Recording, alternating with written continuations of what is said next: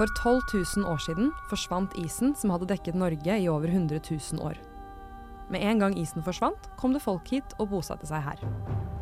Det er tre eller kanskje 400 generasjoner siden, og etter det har det bodd mennesker i Norge kontinuerlig. Gjennom århundrene og årtusenene har hus, liv, mat, språk og religion forandret seg. Naturkatastrofer, pest og teknologiske revolusjoner har veltet om på samfunnet flere ganger. Men felles for oss alle er at vi har bodd i dette kalde landet, vi har fryst på vinteren, og vi har kjent på menneskelige følelser som sorg og glede.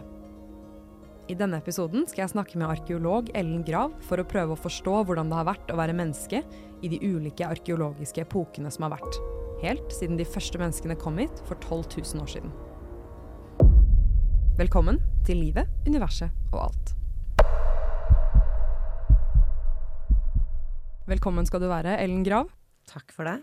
Du er jo arkeolog Ja. og er her for å snakke om alle menneskene som har bodd i Norge noen gang, tror vi. Det tror jeg blir en veldig, veldig vanskelig oppgave. Det tror kanskje jeg også. Er det, er det normalt for arkeologer å ta for seg perioder på 12 000 år? Nei, det er veldig lite normalt. Det er jo sånn at Arkeologer er jo gjerne spesialister på en og en periode. Så det å snakke om eh, hele forhistorien på én jafs, det er en stor utfordring. Jeg setter veldig pris på at du har lyst til å ta på deg den sinnssyke oppgaven det er å snakke om hele Norges arkeologiske historie.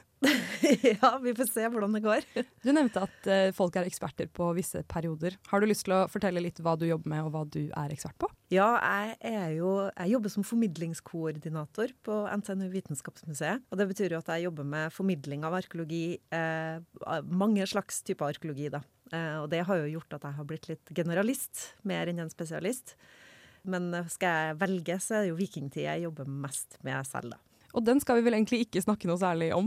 Jeg kommer til å snike inn litt, vet du. Ja, men det syns jeg, du- det syns jeg du skal.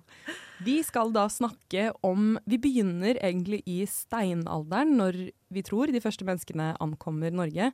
Og så skal vi bevege oss ca. fram til vikingtiden. Og det er jo snakk om over 10 000 år.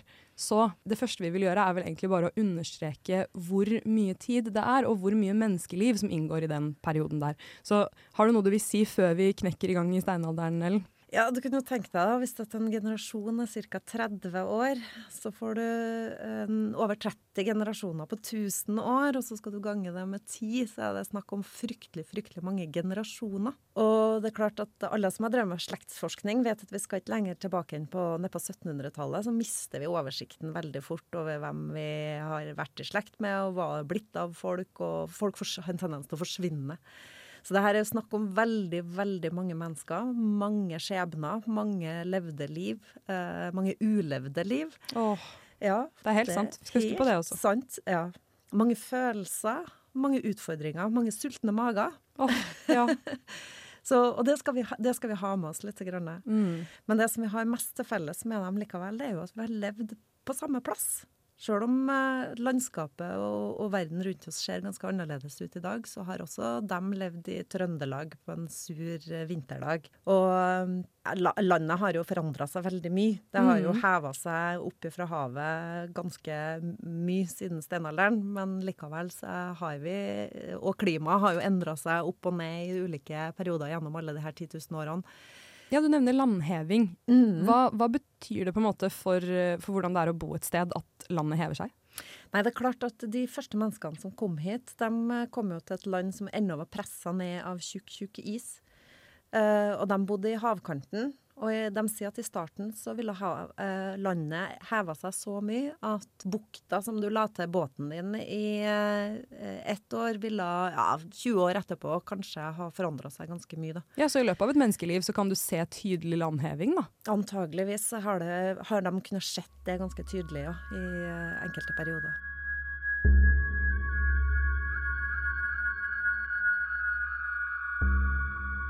Vi skal straks begynne å snakke om de aller første menneskene som kommer til Norge, nemlig i steinalderen. Men tror vi det har vært folk her før den forrige istiden? Det er et fryktelig vanskelig spørsmål.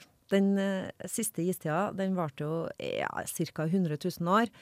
Og det er klart at den isen har skura og bevega seg og rota til ganske mye. Vi vet jo at den bl.a. har forma alle fjellene våre. Så veldig, veldig mange spor etter eventuelle folk eh, har i så fall forsvunnet. Men vi kan jo tenke oss da at hvis det har bodd folk her før den istida, så ville noen av dem kanskje ha søkt tilflukt i naturlige grotter eller huler eller hellere, den type ting.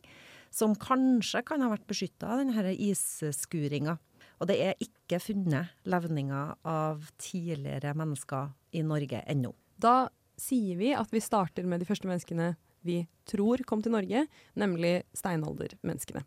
Når kom folk til Norge, og hvorfor i huleste valgte de å komme til dette kalde, grusomme landet her? Ja, det er jo et uh, veldig relevant spørsmål, og det, det stiller vi oss jo stadig vekk. Um, de første menneskene kom til Norge sånn ca. 10 000 år før vår tidsregning. Og de første menneskene de ser ut til å ha kommet med båt. Oh. Ja, vi ikke ikke funnet noen båter fra steinalderen ennå, men uh, siden de har kommet langs kysten, så er det jo mye som tyder på det, at de kommer med båt. Allerede det er veldig interessant, fordi folk ser ofte for seg steinalderfolk som ja, en klassisk huleboer da, med stein i hånden og klubbe. Men en båt, det krever en viss intelligens uh, og skills, da. Det er klart at de som, de første menneskene som kom hit, de var tilpasningsdyktige, altså. De var ikke noe dummere enn oss, de bare levde i en annen tid og med andre ressurser. Sånn at de, de, visste å tilpasse det landskapet de kom til. Og du kan jo tenke deg, når de kom opp hit, da, og så står det en sånn vegg av is. Du kan jo se for deg å være på Svalbard når du ser isen kalve ute i, ut i havet. Det er et mektig syn. Det er et mektig syn. De har drønna og braka i denne isen, og de har vært ganske så kaldt og hustrig, egentlig. Gud, for noen tøffe folk. Steintøffe. Og hvorfor de kom? Ja, det vet vi jo egentlig ikke. Men det vi vet, da, det er jo at det var jo veldig rikt på naturressurser. I, spesielt på kysten. Det var mye fisk. Uh, I den tida så var det sild og torsk mest. Oh. Uh, og så hvalen antar vi jo kanskje at de var ute etter, og sel. Så det, det, er jo god mat det er snakk om her. da. Ja, Gode kilder til fett, i hvert fall de to siste du nevnte der. Mm. Og mm. det fett trengte de jo for å både overleve og holde seg varm, kanskje òg. Og, og, pelsen, ikke sant, selskinn. Det er, jo, det er jo veldig god varme i det. Mm. Og så er det jo også funnet høyfjellsfunn som tyder på at enkelte jakter på rein. Reinen den følger jo iskanten. Den trives jo ved iskanten. Så, eh, så det er jo helt naturlig at de også har fulgt etter rein. Der er vi allerede inne på dette med mat og hvor de har bodd og sånn, men jeg lurer på om du har lyst til å prøve å fortelle litt mer om hva vi vet om livssituasjonen deres. Hva, hva spiste de, hvordan lagde de mat, hvordan bodde de? Ja, vi vet jo ikke uh, forferdelig mye, men uh, det vi finner er jo små teltringer, altså små ringer av stein, som tyder på at de har bygd seg sånne små telt. Hva kommer disse ringene av, da? De har holdt da teltduken, som antageligvis er lagd av skinn, nede for vinden med sånne små steiner. da. Mm. Så da ligger de igjen som små ringer nede på bakken når vi arkeologene finner igjen det senere. Vi finner jo også redskapene deres, for de var jo stort sett lagd i stein. Det var helt sikkert masse redskaper i bein og tre òg, men de, de fleste av dem har forsvunnet. Men vi finner jo fiskekroker i bein, vi finner harpuner i bein. Sånne ting som tyder, forteller oss om den marine fangsten. Mm. Eh, så det at de har spist eh, mye av de her dyrene, og sikkert også fugler langs kysten, det, det, er jo helt klart. Så kulinarisk så har det vært kanskje ganske stor variasjon, da? Antageligvis. De har jo sikkert eh, plukka mye av uh, lyng og blomster og, og, bær av det som har funtes etter hvert òg, da. Tror vi de har spist skjell? Ja. Utover steinalderen så vet vi at de har spist en del skjell. Det syns jeg er oppløftende, fordi personlig er jeg kjempeglad i sjømat. Så det er litt fint at de har kanskje vært kalde og hatt litt korte, brutale liv, men de har i hvert fall spist god sjømat. Ja, når du kommer litt lenger, lenger opp i steinalderen, så vet vi at det var masse østers her i Trondheimsfjorden, og det har de slurpa i seg i store mengder. Er det, sant? Ja, det har de også vært veldig så Det er ikke bare noe sånt som man driver med i Frankrike når det er uh, i Frankrike med champagne, det er noe man drev med i steinalderen også? Ja, ja, ja. Gammel tradisjon.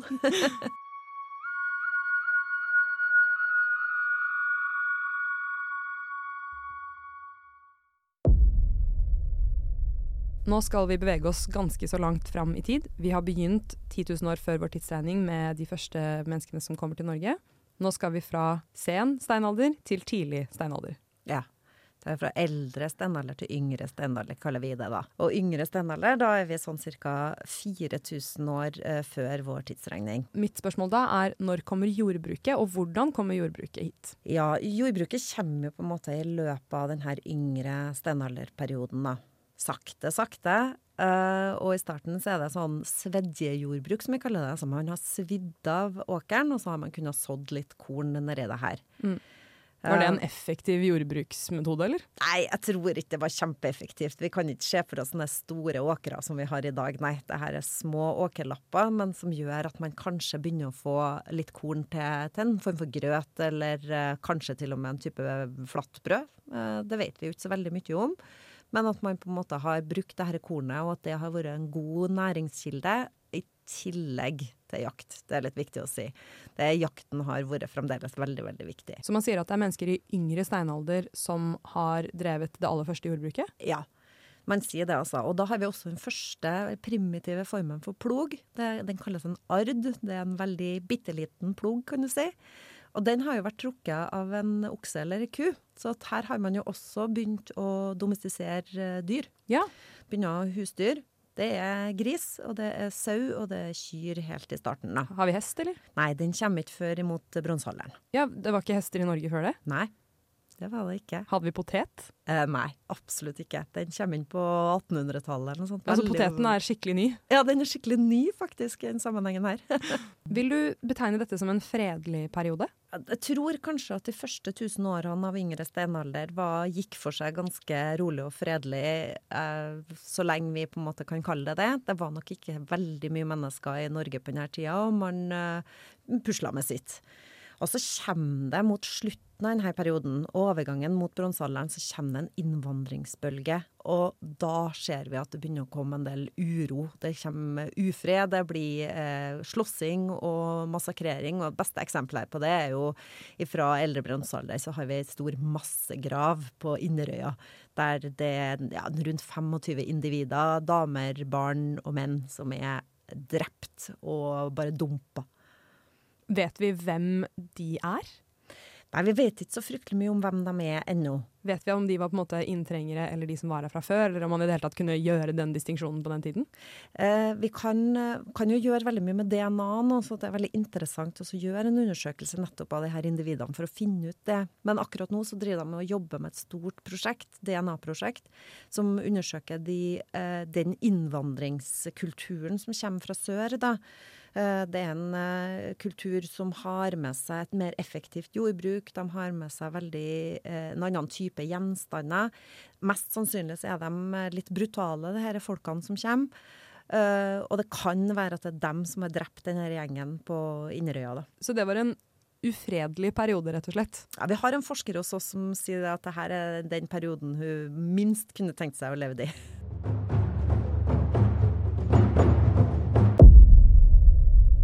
Over til noe hyggeligere. Ja. Når får man hus?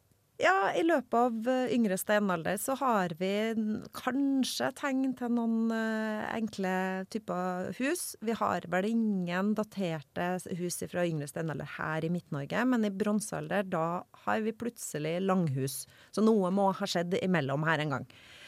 Hvilke årstall er det snakk om her, da? Nei, Når vi går over bronsealderen, da snakker vi om 1700 før vår tidsregning. Mm. Uh, da får vi lange langhus, store hus, og de har vært uh, delt i to.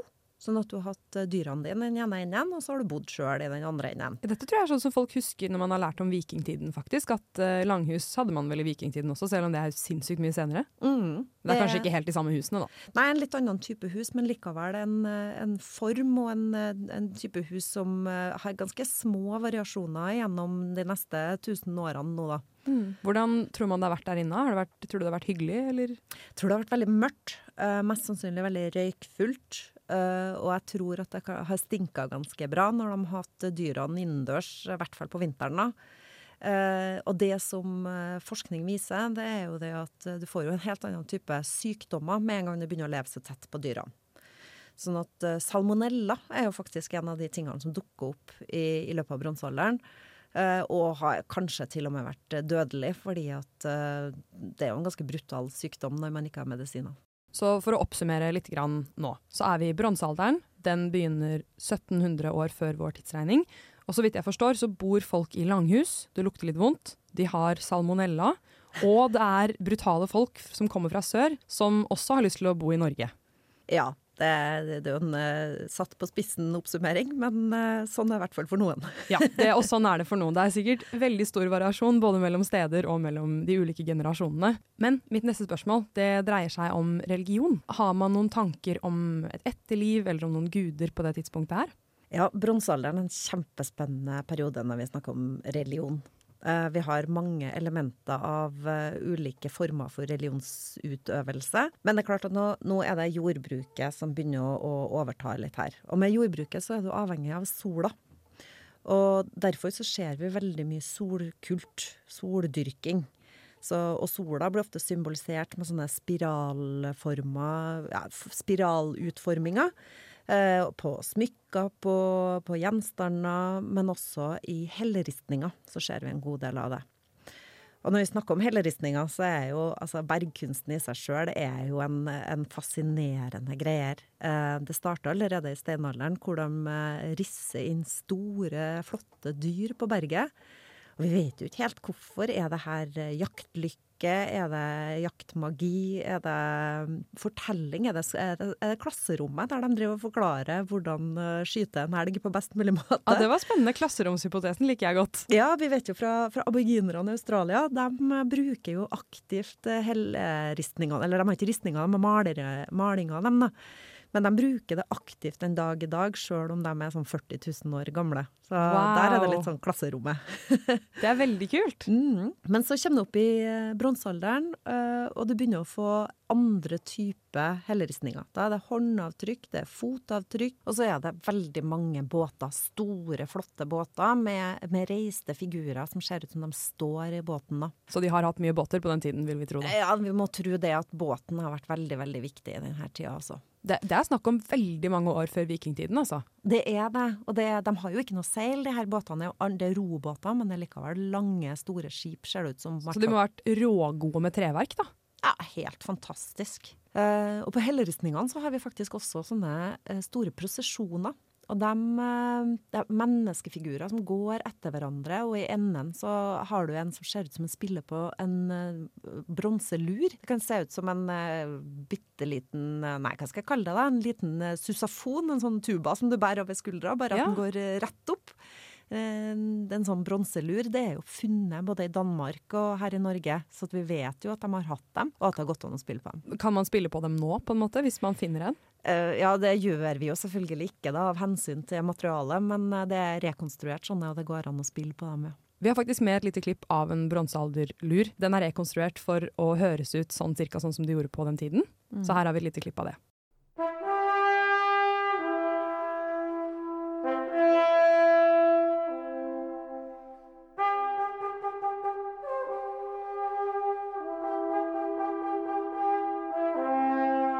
Så sånn høres det ut, i hvert fall. Det er kult. Det er kjempekult. Det er lyden av bronsealderen. Det er helt rått. Ja. Nei, men disse prosesjonene, altså, så man kan kalle det et slags lite 17. mai-tog, da? Ja, kanskje en veldig veldig tidlig 17. mai-tog. Vi vet jo veldig lite om hvilke guder de eh, tilba, men, eh, men, at fruktbarhet på jorda og for å få avlingene til å bli store og gode, det, det var det essensielle. Og kanskje merka man det at når man ofra til sola, så ble det godt år etterpå. Ja, her nevner du ofringer. Er det sånn at vi ser tegn til det i det arkeologiske materialet? I bronsealderen får du veldig mye ofringer. Og det som er spesielt, er at de ofrer veldig mye i myr, eller i overgang, altså i sjøkanten. Overgang mellom land og vann. Og det her antar vi jo er noen sånne liminale faser. Så det her overgangen mellom det ene naturelementet til det neste, det har vært viktig for dem på et eller annet vis. da. Så sånne offergaver i myr finner vi jo ganske mange av. Uh, her til lands finner vi kanskje kar med noen ulike typer mat i, eller uh, gjenstander som er lagt ned, eller sånne type ting. I Danmark så har de jo de her fantastiske moselikene sine, altså myrlik. Mennesker som er ofret? Vi vet jo ikke om de er ofra eller om de er bare dumpa, men det er i hvert fall vet vi at noen av dem er drept og putta ned i myra. Og myra gjør jo, konserverer jo huden sånn at det blir til lær, sånn at det er sånne lærmennesker som er funnet nedi i myra der det er Dette, her, dette sier du med et sånt arkeologsmil om munnen. Det er sånn, det er gull at det er lagt i myr. Eh, det er, jeg elsker det jo, for du får jo faktisk se mennesker som levde for 3000 år siden, og se dem i skulle si, øynene. De har jo ikke kanskje øyne lenger, men du ser Men de har hud. De har hud, og du ser ansiktstrekkene deres. Har de hår og sånn også? Og du ser håret, og du ser klærne. Ja, det er helt fantastisk. Wow. Men mennesker, vi har ikke moselik i Norge. Mm, vi har noe som kanskje kan være noe av det tilsvarende, men ikke like godt bevart. sånn at vi har liksom ikke Det, det er ikke en tradisjon som vi ser ut som vi har like mye av, da. Så jeg forstår det sånn at det har vært en religion med prosesjoner, med musikk, og som har vært veldig fiksert på overgang mellom vann og land og myr, som har hatt ofringer, og som har tilbedt sola Mm. og fruktbarhet. Mm. Hva med gravplasser? Det er ofte en religionsting, det også? Ja, ikke sant. Eh, Det er jo ofte en, et uttrykk for en eh, overbevisning, det med hvordan man har behandla sine døde. Og i eh, eldste delen av bronsealderen, når vi snakka om den her urolige tida, hvor det kom inn en kultur som var litt brutal, og det antageligvis har vært litt kamp om ressursene, så får vi plutselig kjempestore gravrøyser. Det er jo ingenting vi kjenner til fra, fra tidligere perioder. Vi får de kjempestore steinrøyser ute på kysten. Altså, dette er de første steinhaugene vi får, på en måte? Mm. Og det her er graver. Det her er graver som skulle vises godt for dem som kom sjøveien, som da var E6-en den gangen, ikke sant? det skulle synes at det her, her eh, var det folk som hadde en eller annen form for makt eller overskudd, eller eh, i hvert fall hadde mulighet til å bygge sånne kjempestore byggverk. Er det litt sånn pell deg vekk-tegn, på en måte? Kanskje. Eh, Vi ser faktisk det i arkeologiske materialet sånn uh, all over, at eh, med en gang det er perioder som det er mye uro, da blir gravminnene større, da blir det mer bling i utstyret, personlig utstyr. Da, da skal man liksom virkelig vise fram hvem man er og hvilken posisjon man har hatt. Statussymboler, liksom? Mm. Det blir mye viktigere i urolige perioder. Så vi arkeologer liker jo de urolige periodene. Ja, for da dukker det opp masse stæsj. Ja.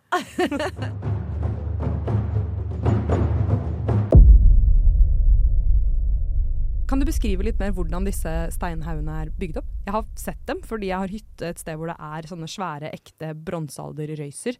Men det jeg lurer på er, hvor ligger mennesket i denne haugen? Det har jeg alltid lurt på når jeg står og ser på sånne hauger. Det er et kjempegodt spørsmål, fordi at vi har jo ikke undersøkt så innmari mange bronsealderrøyser i senere årene. Men vi lar dem ligge, liksom? Vi lar dem ligge, og det er jo fordi det finnes ikke kjempemange av dem.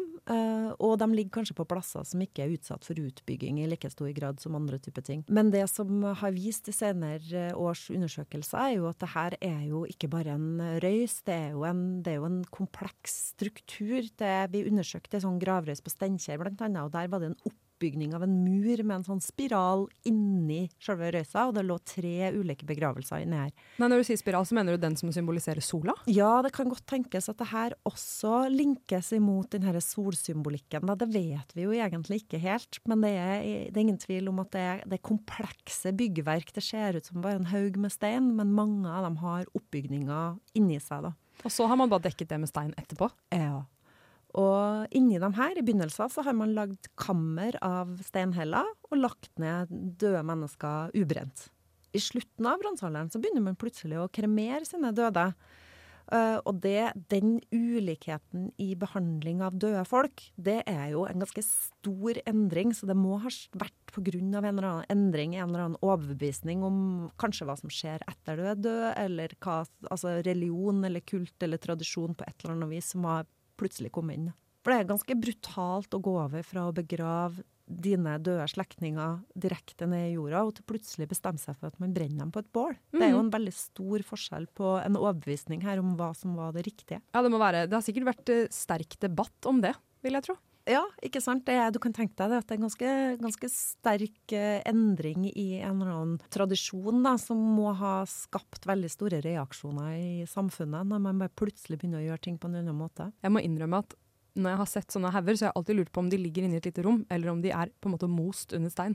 Og så tenkte jeg at det er veldig brutalt å mose de døde under stein, så det er eh, fint å høre at de har ligget i egne rom. Ja, det, det, men det er jo stor variasjon i de ulike periodene i gravhauger. Så en gravhaug, en gravrøys, er det jo ikke én ting inni. Det er jo veldig, veldig mye forskjellig. Mange av de største gravrøysene har jo også fungert som sånne fellesbegravelser. Sånn at det er mange graver i én og samme. Og det kan jo være at de har vært i slekt med hverandre eller hatt en eller annen forbindelse. på noe vis. Da. Når du først bærer tonnevis med stein, så er det jo fint at man kanskje begraver mer enn én person oppi der òg, da. Ja, det har vært en kjempeinnsats i samfunnet det å bygge en sånn gravrøys. Altså en tid hvor man kanskje trengte mesteparten av døgnet for å overleve, skaffe seg mat, øh, holde seg varm.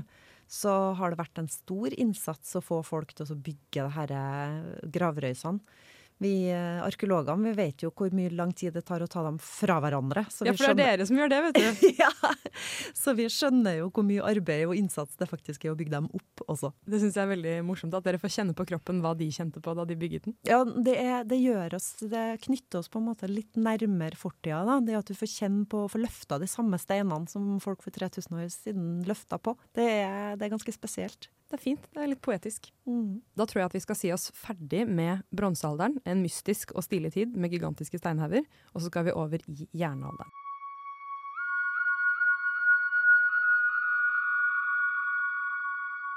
Jeg har sagt at jernalderen begynner 500 år før vår tidsregning. Vet du ikke om det stemmer? Det stemmer eh, i arkeologisk eh, sammenheng. Og så er den siste 500 årene før vår tidsregning en sånn overgangsfase som veldig mange av disse fasene våre er. Vi deler jo inn periodene her ut ifra endringer i materialet, og det skjer jo en endring også her, bl.a. med det at det er jernet som kommer inn. Hvor nyttig er jern da, kontra bronse? Jern er kjempenyttig, fordi det er, det er, komplisert å lage det. Det er veldig veldig vanskelig, fordi det er jo utvinning av myrmalm. Og den skal røstes, og den skal smeltes, og den skal smis, og den skal Altså det er en ekstremt komplisert prosess.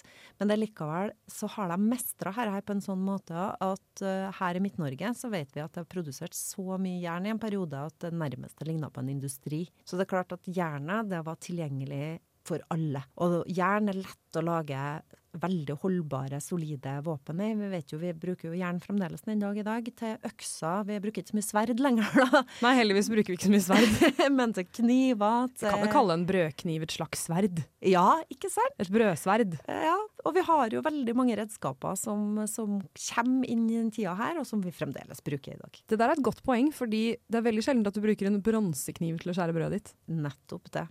Med tanke på religion og sånn, er det fortsatt sola som på en måte står i sentrum her? Ja, det er i hvert fall fruktbarheten er veldig, veldig viktig nå når vi kommer over i første fase av uh, jernalder.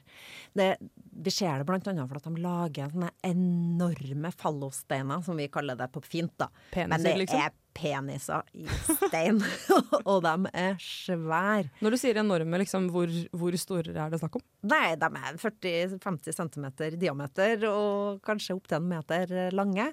Så det her, er, det her, er, store greier, men det er ingen tvil om at det skal være peniser. Ja, For er dere, dere, arkeologer er enige med at dette er gigantiske statuer av steinpeniser? Ja, det er vi helt enige om. Det skal faktisk sies at jeg har sett dem, for jeg fikk jo en liten tur på Vitenskapsmuseet på, på utstilling, og fikk helt sjokk da du bare pekte på dem og sa det er peniser. Ja, ikke sant? Og, men hvis du drar sørover i Europa, så ser vi veldig mye av det i den perioden her. De Europa har, er strødd med, med peniser? Ja, ja, ja, ja, ja, Det er peniser, og det er menneskefigurer med erigerte peniser. Og det er, det er veldig sånn mye fokus på det vi i dag ville ha kalt seksualitet. Men det handler om fruktbarhet, ikke sant? Det handler om, og Penis er jo også et fruktbarhetssymbol, for ja, det handler jo om fruktbarhet. Og når jorda er det du lever av, så er fruktbarheten veldig viktig. Og hva de drev på meg ute på disse jordene når de ofra til sola, det vet vi jo ingenting om. Nei, der stiller du et, stiller interessant spørsmål. Den kan vi la henge i lufta.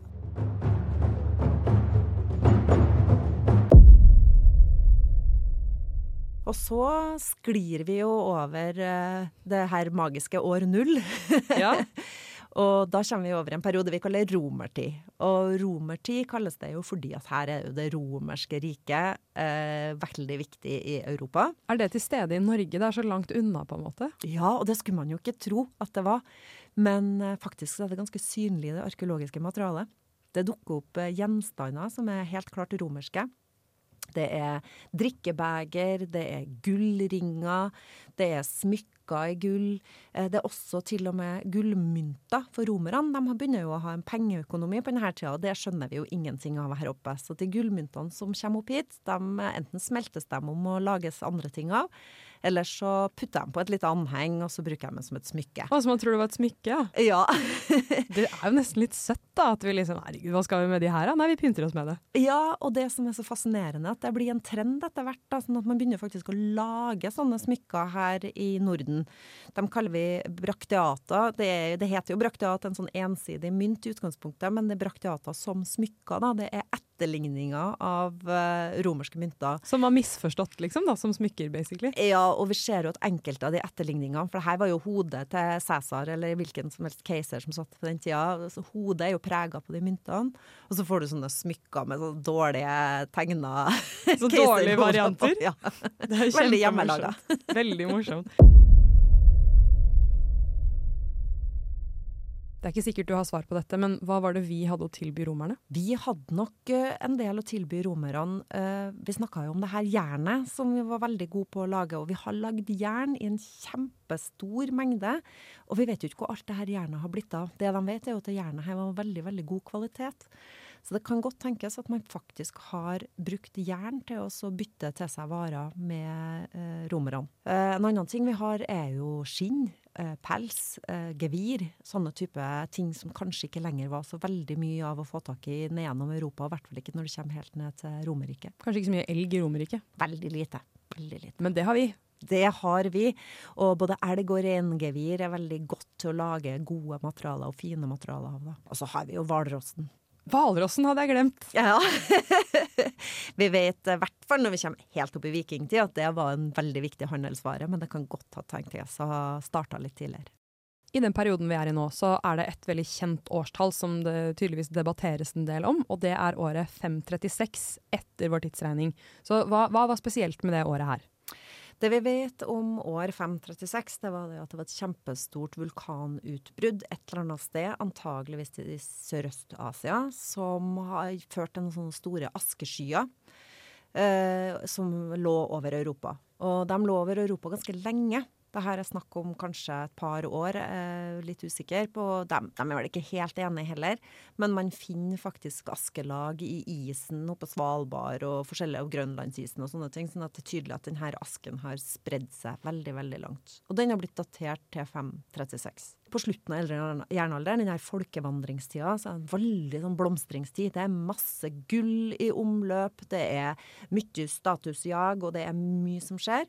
Og så får vi en eller annen overgang i det arkeologiske materialet. Det blir nedgang, blir stopp på gullet, blir stopp på blingen eh, en periode. Er dette den knyttet til 536, da? Ja, det er jo det enkelte forskere mener, da. At uh, det er et spor etter denne uh, vulkanutbruddet, som igjen førte til uår i avlingene og sånn pga. den askeskya, som igjen førte til en god del sykdom. Og så kommer også denne justinianske pesten, som uh, mange mener har drept ganske mange mennesker i Europa. Så noen mener at den er knyttet til 536 også? Ja. Alt det her knytter man til det her 536-komplekset. Det er ikke sikkert at det her er én enkel forklaring. Kanskje er det andre ting som skjer. Kanskje er det en innvandringsbølge. Kanskje er det eh, flere ting som skjer samtidig. Og vi vet at det er her det eh, språket endrer seg. Eh, vi begynner å snakke litt mer sånn som vikingene snakka. Norrønt, liksom? Norrønt, liksom. Eh, det er her de norrøne gudene og religionen faktisk også kommer inn. Det skjer jo ikke over natta, det skjer jo gradvis det her, men det er rundt denne tidsperioden at det skjer. Så da går vi vekk fra sol og penis? Ja, og mer over til det her norrøne som vi kjenner fra skriftlige materialer. Det kjempestore endringer her, og forklaringene bak er nok ganske mye mer kompleks enn vi har kommet til ennå, men, men, det er i hvert fall enorme endringer, det er ingen tvil om. Og det kaller vi da overgangen mellom eldre og yngre jernalder. Ja, men da tror jeg at vi har grei kål på overgangen fra før 536 til etterpå. Mm. Og her har vi da fått den norrøne mytologien, og vi begynner å få norrønt språk. Og da er det kanskje naturlig å seile inn i vikingtiden? Yes.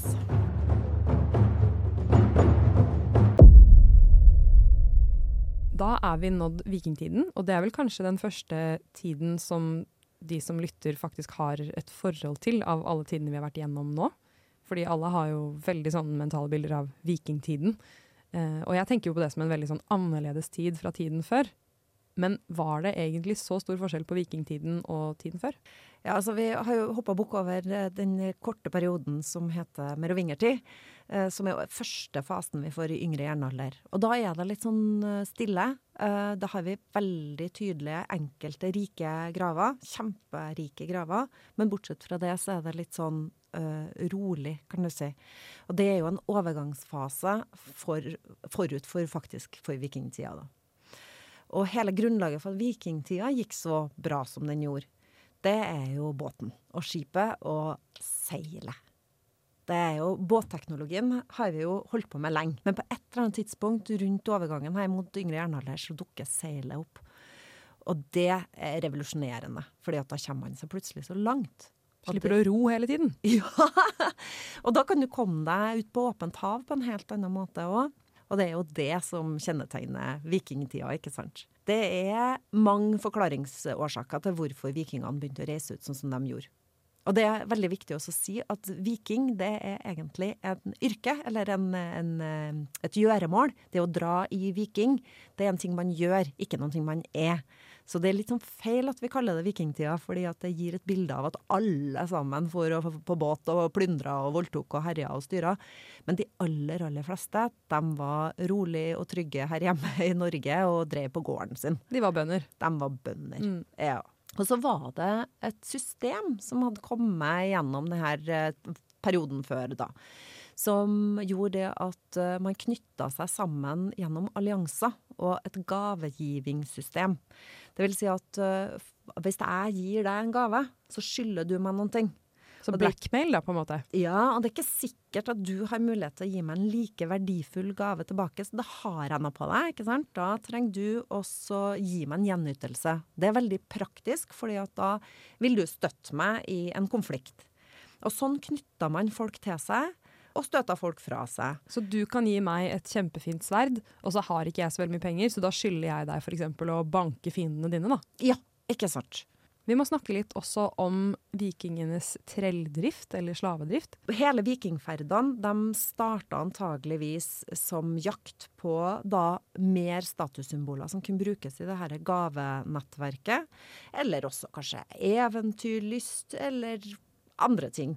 Det, det, er litt sånn vanskelig å vite hva som starta det hele. Men, men, det kan også ha vært handelsforbindelser som har vært det første årsaken til at man reiste ut. Så man dro ikke nødvendigvis for å plyndre og voldta helt innledningsvis? Vi vet jo ikke liksom helt eh, starten på det hele. Vi har jo alltid sagt at vikingtida starta med det her berømte raidet på klosteret i Lindisfarne. Men, eh, men, om det er starten på vikingtidsperioden som sådan, det er kanskje starten. Det er det første kjente raidet, i hvert fall. Første gang det ble dårlig stemning? Veldig dårlig stemning. Vi bør kanskje si hvilket årstall det er også? Det var i år 793. Og det er klart at det vi vet, da, det er jo det at vikingene de hadde fredelig handel. Både i Irland og England, eh, men også østover. Mye kontakter østover, både i Sverige og vi har østlige varer som kommer fra både fra baltiske områder og fra enda lenger øst. Men så har vi også de her plyndringsferdene. Og her i Trøndelag så har, ser det ut som de meste av de plyndringsferdene har gått mot Irland. Og det er irske ting vi finner her, på en måte? Mm, veldig mye av det vi finner her er irske ting, og det vi finner er jo kirketing. De har jo, Ennå så er det jo norrøn mytologi som står sterkest hos vikingene. Så når de kommer over dit og møter klostre og kirker, så har ikke de noe respekt for de disse gjenstandene. Så vi finner eh, bibel Altså det er jo flotte bibler med sånne beslag utapå av eh, metaller. Og det har de bare røska av og tatt med seg hjem, og brukt det til andre ting her hjemme. Eh, vi har også sånne relikvieskrin, sånne små relikvieskrin som var viktig i den katolske kirka i starten, som de bare har tatt med seg hjem hit. Og helt sikkert så har de her første gjenstandene som kommer hjem, har fått veldig sånn viktig betydning som historiefortellere. Fordi at den ferden over havet dit, den må ha vært så farlig. Vi aner jo ikke hvor mange vikingskip som har gått ned på veien over. Oi. Det er jo Mest sannsynlig er det jo veldig, veldig mange. Og dem som faktisk greide seg å komme seg dit, raide med seg gjenstander og kom seg hjem igjen. Kan du tenke deg hva de hadde å fortelle til folk som aldri har vært utafor bygda si? Ja, det, og det er jo bare en utrolig imponerende ting å oppnå, på en måte. Og i tillegg, den tiden de har vært borte, som sikkert har vært jeg vet ikke, ukevis, månedsvis, Ja, månedsvis. så har ingen visst om de levde. Ingen har visst om de levde. De hadde ikke noe mobiltelefon så de kunne varsle hvor de var hen. Det har vært en veldig emosjonell tid. Det har vært veldig emosjonelt og veldig hardt. Og det er klart at uh, vi skal ikke romantisere vikingferdene, fordi at uh, vikingene de gikk hardt fram. De drepte og de plyndra og de voldtok. Det er det ingen tvil om. Ja, og så var vi så vidt inne på det med at de tok med seg mennesker tilbake. Ja, og uh, slaver er nok både en del av plyndringsferdene, hvor man på en måte tok folk til fange, men antageligvis var det også en vanlig handelsvare. Fredelig handel, at man, man fikk kjøpt seg slaver. Og så det på en måte fantes kandidater som kunne bli solgt der man kom, og så ble de solgt til vikingene, eller gitt til vikingene. Antageligvis, ja. Og, og det å ha treller på store gårder, det var veldig vanlig. Eh, Men du hadde også regler for at uh, trellene de kunne bli frie menn etter hvert, etter så og så lang god tjeneste, eller hvis at eh, Ja, på ulike vis, da. Så kunne de bli frie menn og få sin egen gård etter hvert, da. Vet vi noe om treller her i Norge, eller her i Trøndelag? Vi vet veldig veldig lite om det, fordi at uh, dem som blir begravd, og som vi vet mest om, det er jo som oftest dem som har mest høyest status. Sånn at uh, meg og deg, er ikke sikkert at det vises i det hele tatt i arkeologiske materialer. Vi vet jo ikke hvor det har blitt av alle de menneskene som har levd. Men et av de sporene vi har da, etter uh, folket fra Irland, det ligger jo igjen i DNA-et vårt. Eh, og om det er treller, slaver, som man har tatt med seg hit, eller om man har dratt over og funnet seg ektefeller, eh, det kan jo ha vært begge deler. Men det er i hvert fall ingen tvil om at uh, alt i middelalderen så ser vi ganske stort innslag av irsk DNA i Trondheims befolkning. Og, og det har jo vi en god del av i oss ennå den dag i dag. Mm. Det sies jo ofte at rødt hår kommer fra Irland. Er det, er det riktig? Ja, det tror jeg faktisk stemmer helt. Før uh, vikingferdene og den perioden der vi begynner å få kontakt mot Irland, så er det visstnok ikke noe særlig rød, rødt hår her i Norden.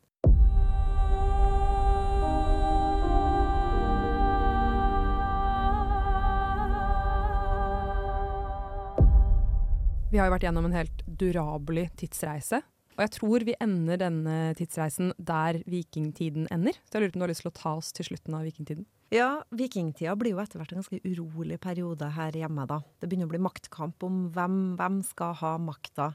Og som vi vet, så ble det jo til slutt en rikssamling og staten og kirka som vant. Eh, men før den tid så var det ganske harde fighter mellom eh, hedningene og de kristne, for å si det enkelt. Mm. Eh, og vi kjenner jo til mange av de her slagene. Eh, men det store avsluttende slaget regnes da som slaget på Stiklestad i 1030. Og da har vi beveget oss fra 10 000 før vår tidsregning til 1030. Det har vi. Det, er 11 000 år. Ja. 11 000 år på en time. Og det, blir, det, blir, det er helt klart at det blir et grovt eh, overblikk. Helt klart. Jeg syns det var fint i stad da du sa at vi hoppet bukk over en periode. Vi har hoppet bukk over mange perioder i denne episoden her. Og tenk alle menneskene vi har hoppa bukk over. Alle menneskeskjebnene, alle levde livene. Ja, Man får nesten litt dårlig samvittighet. Altså. Det, er jo, eh, det er jo snakk om utrolig mange mennesker som har opplevd tap og opplevd kjærlighet og suksess og skuffelse og, og helt andre mer dagligdagse ting som hull i tennene. Ja, ikke sant? Men det kommer jo faktisk inn ganske seint, fordi at uh, vi hadde jo ikke noe sukker. Men de hadde ganske andre tannproblemer, så vondt i tennene har jeg i hvert fall Ja, vondt i tennene. Tenk på alle visdomstennene som aldri ble trukket. Å, fytti katta, ja. Mm. Vi har jo kommet nå til episodens avslutning. Vi har vært gjennom 11 000, over 11 000 år med menneskehistorie og forandring. Og spørsmålet mitt er hva var det folk døde mest av før på en måte moderne tid? Eller før vikingtiden, da, eventuelt. Folk eh, døde faktisk mest av sånne hverdagslige ting. Hverdagsproblemer. kan du tenke deg fødsel? Både spedbarnsdødeligheten var veldig veldig høy, men mor døde også ofte i barsel. Enten inner, underveis i fødselen eller eh, rett etterpå da, av komplikasjoner. Ja, Infeksjoner og sånt. Ja, og andre komplikasjoner, blødninger, den typen ting som, som vi kan mye om i dag. En annen ting er jo det her med infeksjoner.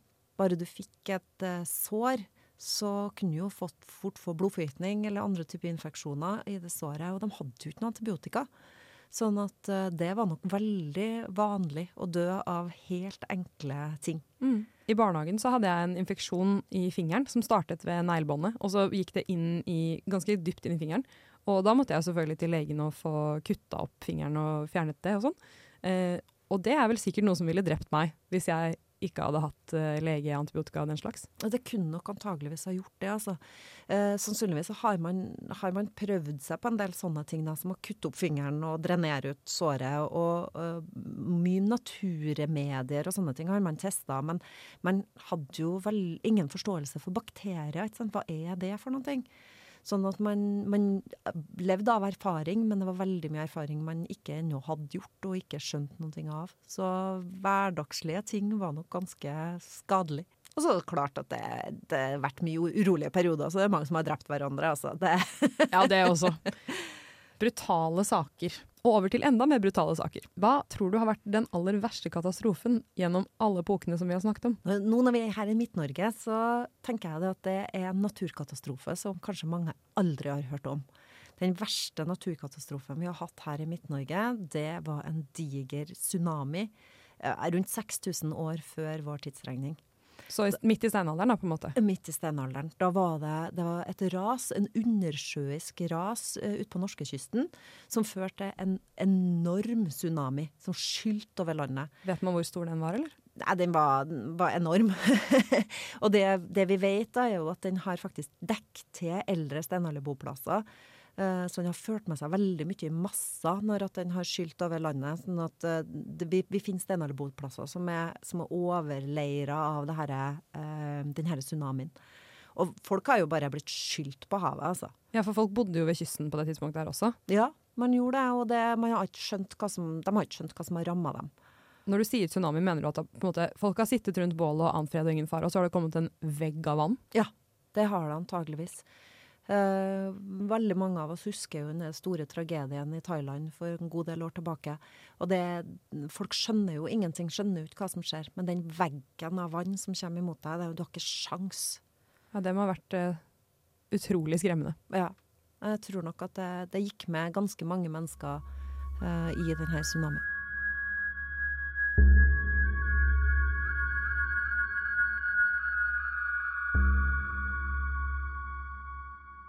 Da har jeg et litt mer flåsete spørsmål, og det er hvis du skulle blitt født i en av tidene vi har snakket om, hvilken ville du valgt, og hvilken ville vært den verste tiden å bli født i? Jeg tror at det at vi lever i dagens samfunn og har det så godt som vi har det, den gjør at de aller, aller fleste forhistoriske perioder kunne ha vært ganske brutale og blitt sendt tilbake til, hvis at du har de forutsetningene i, i ryggen. Så svaret mitt blir veldig nerdete, fordi at jeg er spesielt interessert i vikingtida. Så skulle jeg gjerne ha blitt født i vikingtida, sånn at jeg kunne ha observert og lært hvordan man tenkte, og hvordan man, uh, vurderinger man gjorde for de tingene man gjorde, og hvordan, hva som lå bak. Hva snakka man om, hva, hva brydde man seg om, hva bekymra man seg for. Men så skulle jeg jo helst kunne reist tilbake igjen og så fått skrevet om det eller fortalt om det. Da. Det er et veldig godt poeng. Hva med perioder som du ikke ville vært i da? Nei, Da må jeg jo kanskje nevne den som jeg har nevnt så vidt tidligere, da, med den overgangen mellom steinalderen og bronsealderen, hvor hun, forskeren vår sier at eh, det, det, må ha vært kanskje den mest brutale perioden å leve i. Ja, den massegravperioden. Ja, det har vært en rolig steinalderbonde her, og så kom det sånne gærninger fra Danmark og bare høgg deg ned. Det. ja, det høres veldig, veldig brutalt ut. Og da er vi kommet til mitt aller, aller siste spørsmål. Og det er hva slags arkeologiske oppdagelser håper du at gjøres i fremtiden? Er det noen mysterier som dere arkeologer på en måte brenner etter å få oppklart? Det er jo forferdelig mange.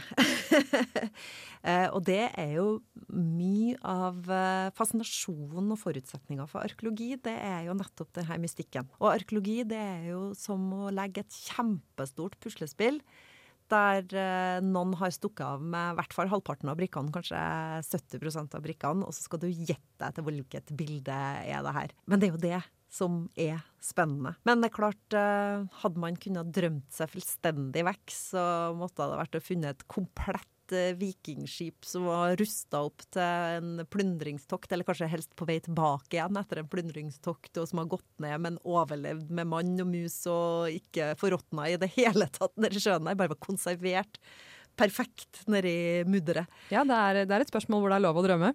Ja. Nei, det er en, en arkeolog jeg vil alltid være en drømmer på et eller annet vis. da skal jeg, jeg krysse fingrene for at vi finner et perfekt konservert vikingskip på vei hjem fra Irland. Ja. Tusen, tusen takk for at du har ønsket å ta fatt på denne sinnssyke oppgaven som har vært å gå gjennom alle menneskene som har levd i Norge noen gang, fram til vikingtiden. Det er en av de største faglige utfordringene jeg har fått noen gang, tror jeg. Det, det er klart at det, det, blir, det, blir, bare veldig overordna, en sånn gjennomgang som her er, som går gjennom 11 000 år. Ja, det, er, det er jo en halsbrekkende øvelse, men eh, jeg syns vi har fått en smaksprøve av de fleste periodene vi har. Jeg håper det. Du får ha takk for utfordringa.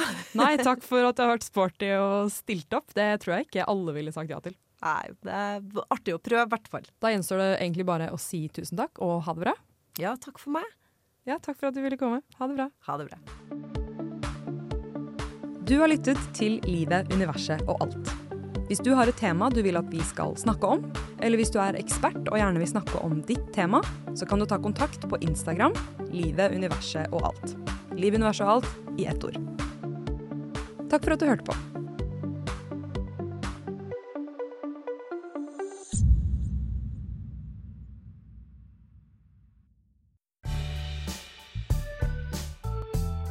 Har lyttet til en podkast på Radio Revolt, studentradioen i Trondheim. Sjekk ut flere programmer på radiorevolt.no.